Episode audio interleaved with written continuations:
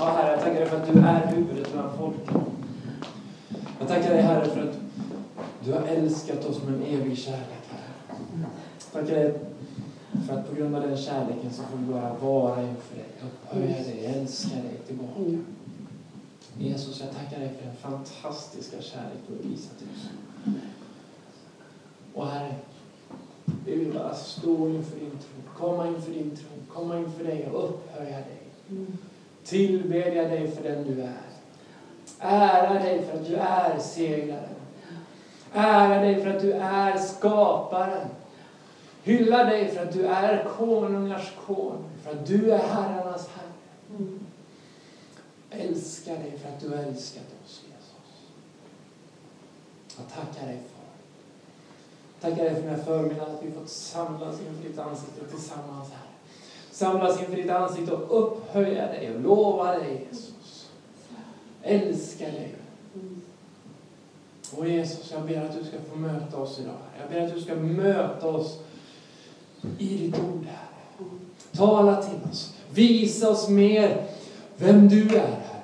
Visa oss mer, Herre, vad du vill göra, Herre. Visa oss mer, Herre, hur mycket du älskar oss. Herre, för vi vill på nytt bli drabbade av kärlek till dig, Herre. Vi vill på nytt bli drabbade av kärleken till dig, Jesus. Tack, Far. Tack, Far, för din Amen.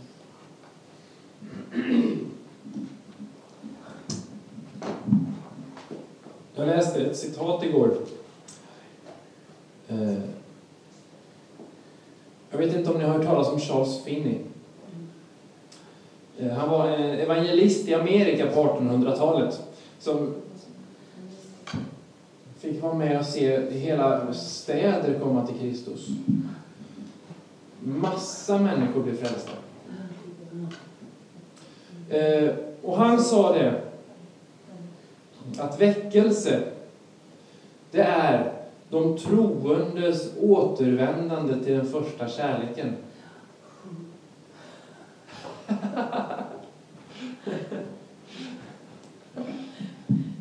Kan du ta det på engelska?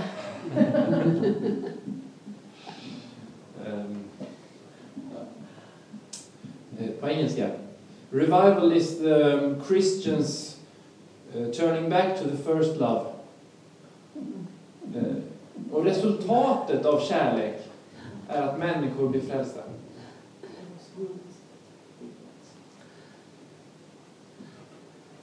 Eh, och ni som var med i Tabor i förra veckan, var ni med förra veckan? Nej, men du var med Sofia. Ja. Vet att jag, jag talade om den första kärleken. Och hur det kan gå i, i att, man, att man hela tiden behöver ha nytt uppenbarelse, ny uppenbarelse från Jesus. Att man behöver se honom på nytt. Se vem Gud är på nytt. Eh, för att vara kvar i, i kärleken till Jesus. Vara kvar i, i kärleken till honom. Eh, och då läste jag i Matteus 22 och 34.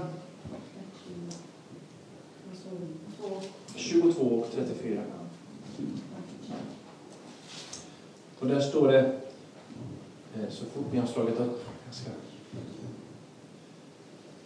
Jag har konstaterat att det finns ju ingen anledning att med sig Bibeln om man aldrig hinner slå upp vad, vad, vad man ska läsa. Så, så, så därför vill jag vänta. 22 och 34.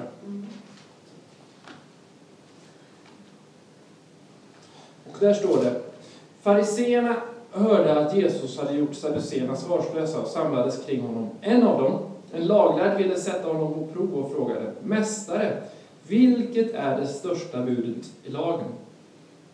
Han svarade, du ska älska Herren din Gud av hela ditt hjärta och av hela din själ och av hela ditt förstånd. Detta är det största och främsta budet.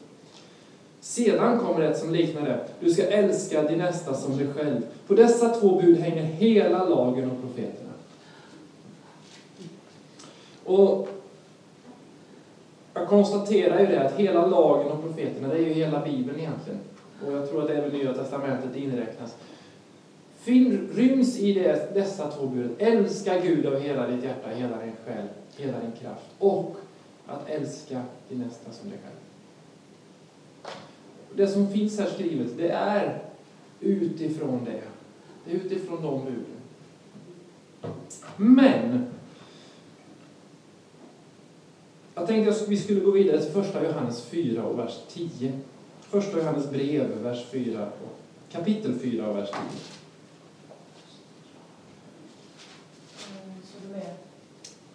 Första Johannes brev kapitel 4, vers 10. Första Johannes brev, det är det brev som kommer efter Första Mosebok. Vad heter det? First John. Ja. Ja, det kommer väl efter Första Mosebok. Det kommer lite grann emellan också. Kapitel 4, vers 10. Två. En fem.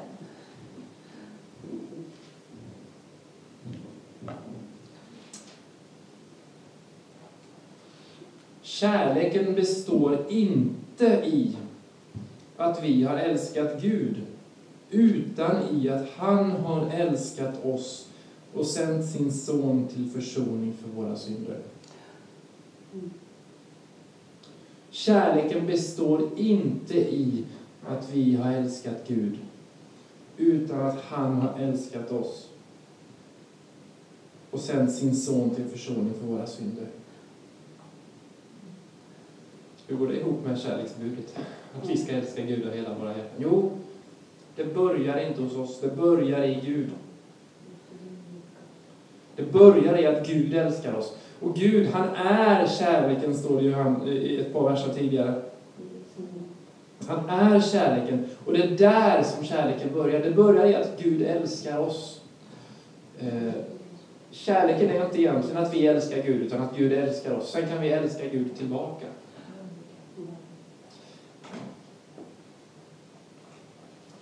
Då kan man ju fundera på hur har Gud älskat oss? Hur har han bevisat sin kärlek till oss?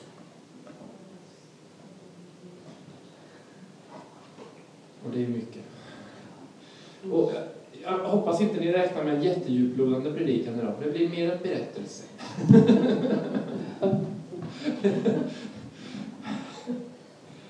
Men jag tänkte jag börjar i begynnelsen. Skapade Gud himmel och jord. Och så står det i Första Mosebok 1 och 27, alldeles i början. Han skapar människan. Han skapar människan till sin avbild. Han skapar människan för att vara honom lik. Och varför gör han det? Jo, eh, jag tror att, alltså, om vi läser Jesus släkttavla i Lukas, så står det då att Jesus var son till menade man Josef och han var son till och så vidare och så son till, son till och så son till. Och så kommer man ner till son till Enos, son till Set, son till Adam, son till Gud. I grund och botten så handlar det om Jesus som var son till de här. Eh, men jag tror att även på ett sätt så skapade Gud även Adam för att bli en familj. Alltså bli en Guds familj, Guds familj. Han, han ville ha en familj som han kunde bry sig om, ta, ta hand om, älska, vara tillsammans med. Eh, och, och jag tror att det var därför Gud skapade oss människor. För att han skulle ha oss som sin familj. Eh, men ni vet ju hur historien går. Ni vet ju att ganska snart så faller människan i synd. Eh, ja, synd. Och, men även när människan har synd, så fallit i synd, så står det att Gud vandrar omkring i lustgården. Och innan de hade fallit i synd så tar jag för givet så här, det står inte, men jag, jag tar det som givet i texten, det är liksom underförstått att Gud hade vandrat omkring i lustgården och umgåtts med Adam och Eva, varit tillsammans med dem, talat med dem, pratat med dem, delat saker med dem. Och, jag tror att det var Guds tanke. Han ville ha gemenskap med oss människor. För han älskar oss människor. Han skapar några som han kunde älska, visa sin kärlek till. Men den dagen som, som Adam och Eva syndar, som de faller i synd, så vet ni att, att relationen mellan Gud och människa den bryts. Och Adam och Eva de blir rädda för Gud för de märker att de är nakna och allt det här. Och, och Gud på en, men Gud på en gång, på en gång i, i första Mosebok 3. Det här tycker jag är så starkt. Har ni Bibel 2000 behöver ni inte slå upp, men annars kan ni slå upp första Mosebok kapitel 3.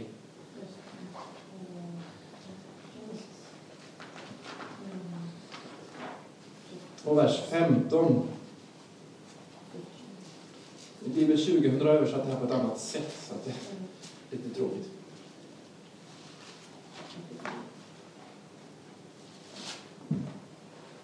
Men i, vi kan ta från vers 14, för då är det ju ormen som har lurat Adam och Eva kan man ju säga på ett sätt. Och, och då säger Gud så här, Gud sa till ormen, eftersom du har gjort detta skall du vara förbannad bland alla boskapsdjur och vilda djur. På din buk skall du gå och jorden ska, jord skall du äta så länge du lever. Jag ska sätta fiendskap mellan dig och kvinnan och mellan din avkomma och hennes avkomma. Han skall krossa ditt huvud och du skall hugga honom i hälen. Redan här har Gud en plan. Redan här så säger Gud, jag ska sätta fiendskap mellan ormen, djävulen, mellan dig och mellan kvinnans avkomma. Eller kvinnans säd står det i 17 års översättning. Och, och det vet vi att kvinnor har ingen säd. Så redan här profeterar Gud, jag ska sända en som är född av jungfru. Som ska sätta fiendskap mellan, som ska, som ska krossa ditt ormens huvud. Samtidigt som han ska bli slagen. Gud visste, Gud visste redan då att det här kommer att kosta mig massor. Det här kommer kosta mig oerhört mycket. Men utan att blinka, utan att tveka, utan att, och vänta en sekund och säga det här kommer jag att göra. Ut, han älskar oss så mycket, han älskar människan så mycket så han säger utan att bleka, utan att blinka, utan att tveka. Det här kommer jag att göra. Det kommer kosta mig mängder, men jag kommer att göra det. Det är väl kärlek? Det är kärlek. Sen kan vi gå igenom hela Gamla Testamentet. Det finns hur mycket som helst. Men Gud, i Gamla Testamentet så bygger han historien för att kunna sätta den här planen i verket. Ehm, och man kan eh, ta upp hur många bitar som helst. Jag ska bara berätta om hur Gud utväljer Abraham, Isak och Jakob och utväljer åt sig ett folk som han ska eh, använda för att utföra sin plan. Han, han utväljer dem eh, och, och sluter ett förbund med dem. Covenant.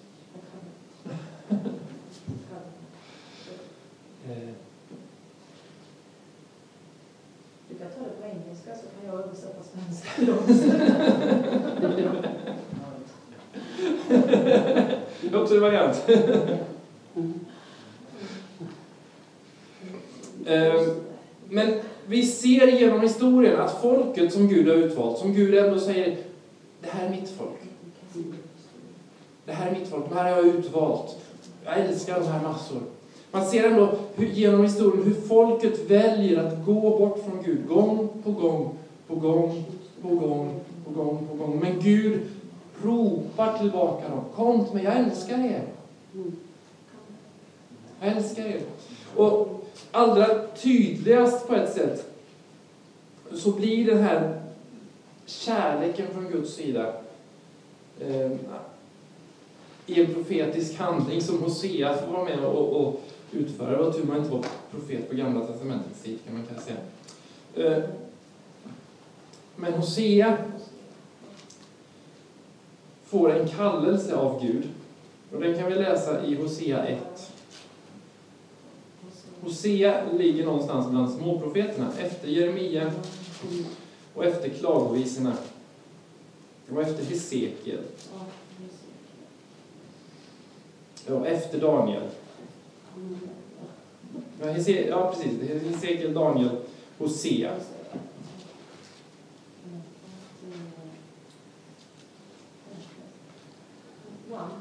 Kapitel 1. Och den här är jag väldigt glad att inte Gud har sagt till mig. Eh, men Gud sa så här till Hosea. Detta i, kap, i vers 2, kapitel 1, vers 2. Detta är början av Herrens ord genom Hosea. Herren sa till honom. Gå och skaffa dig en sköka till hustru och skaffa dig barn till en sköka, till landet har bedrivit hor genom att överge Herren. Och Hosea lyssnar till Gud och går iväg och skaffar sig en otrogen hustru, en sköka till hustru. Eh, och han får ett par barn och, de, och Gud profeterar genom namnen. Och sen så går det ett tag och, och den här kvinnan lämnar Hosea och överger honom för andra män. Eh,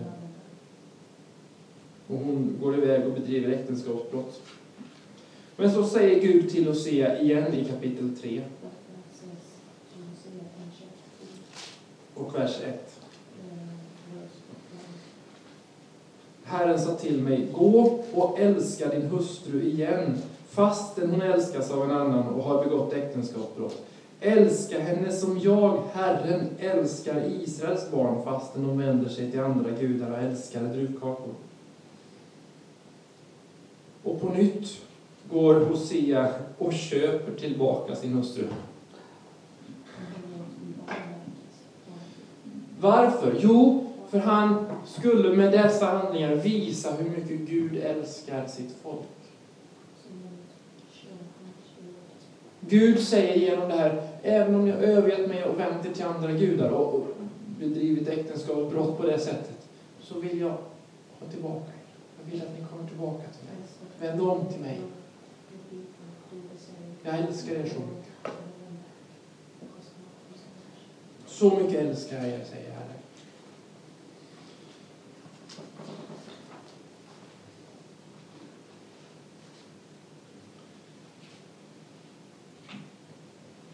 Sen bygger som sagt för Gud historien vidare. Men det största beviset på Guds kärlek till oss är ändå i Jesus Kristus. Och jag tror att vi kan Johannes 3 och 16 allihopa. Misstänker jag. Annars så behöver vi lära oss Johannes 3 och 16. Det är ett bibelord vi behöver kunna. Och, och behöver få in i oss. Få uppenbarat för oss vad det verkligen betyder. Johannes 3 och 16. Vi kan väl läsa det till... Det är så många tusen, så många ord, olika översättningar vi lärt oss det på. Ty så älskade Gud världen att han utgav sin enfödde son för att den som tror på honom inte skall gå förlorad utan ha evigt liv. Så mycket älskar Gud världen.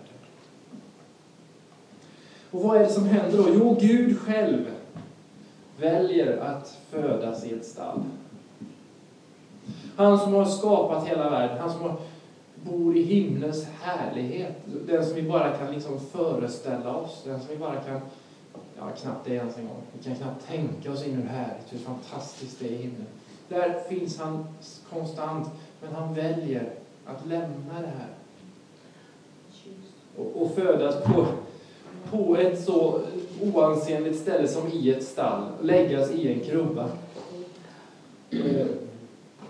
Och dessutom göra sig fullständigt beroende av, så beroende som man kan bli av två människor. Han gör sig fullständigt beroende av Maria och Josef. Nej, det vet inte jag heller.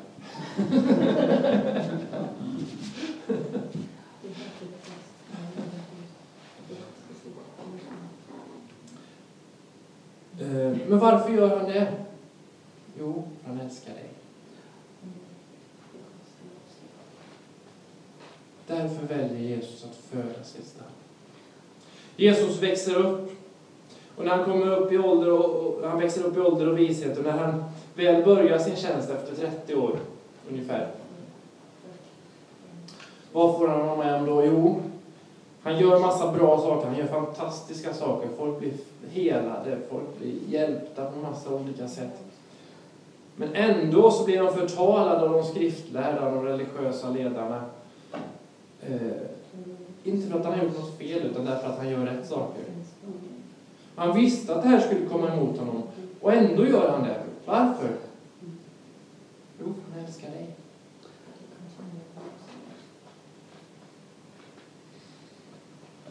Och det allra största är ju ändå när Jesus väljer vägen till korset. Vägen dit är kantad av slag. Han blir piskad flera gånger. Den, blir, den är kantad av lögner, av pina, av förtal. Men ändå väljer han vägen. För att han älskar dig. Och när han väl kommer till korset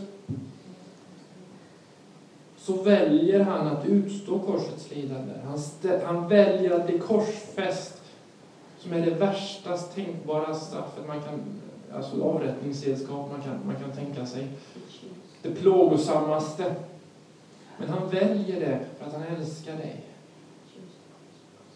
Men det värsta var inte den fysiska plågan för honom. Det värsta för honom, och det som jag tror fick honom att svettas blod i, i, i Getsemane, det var att när Jesus hänger på korset så läggs all världens synd på honom.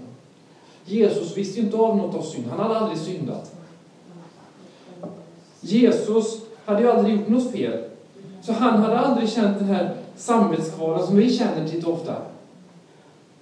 Han hade aldrig, aldrig känt dem. För han hade inte gjort något fel. Han hade aldrig känt ånger över att han har skadat någon. För hade ju inte gjort något fel.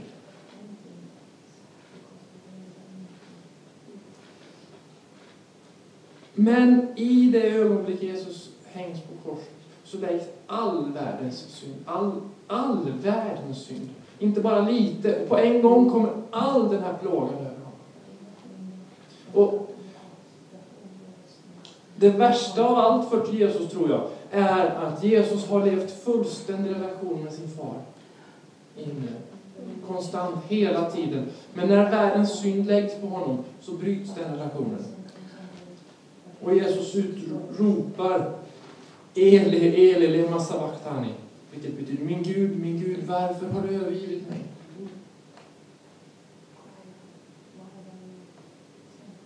Ja,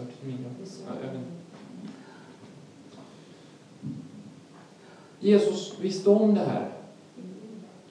Han visste det. Jag tror att det var därför som sagt var som han svettades blod i Getsemane. Det var sån, sån, sån smärta för honom.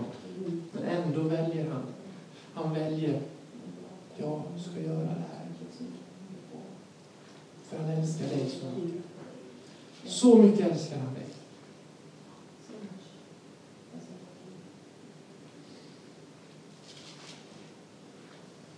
Men det häftiga är att genom det Jesus gjorde kan du och jag bli fullständigt förlåtna.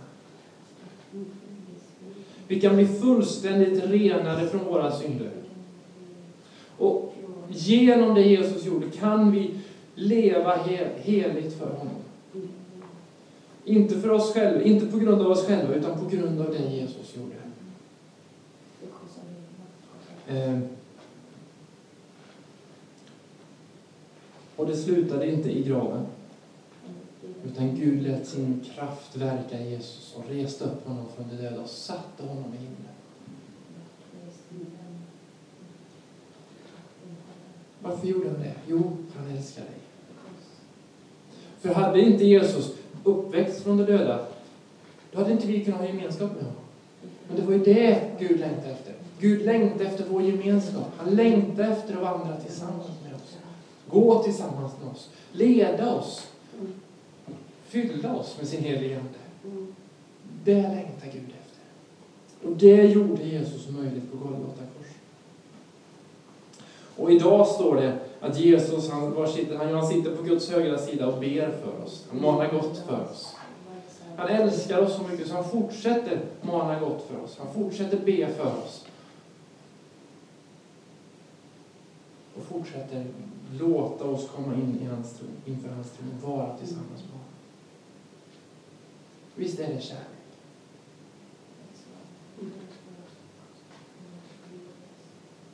Jesus sa på ett ställe, det finns ingen större kärlek än att man ger sitt liv för sina vänner. Men ändå valde Jesus att ge sitt liv för oss när vi ännu var syndare. När vi ännu var Guds fiender.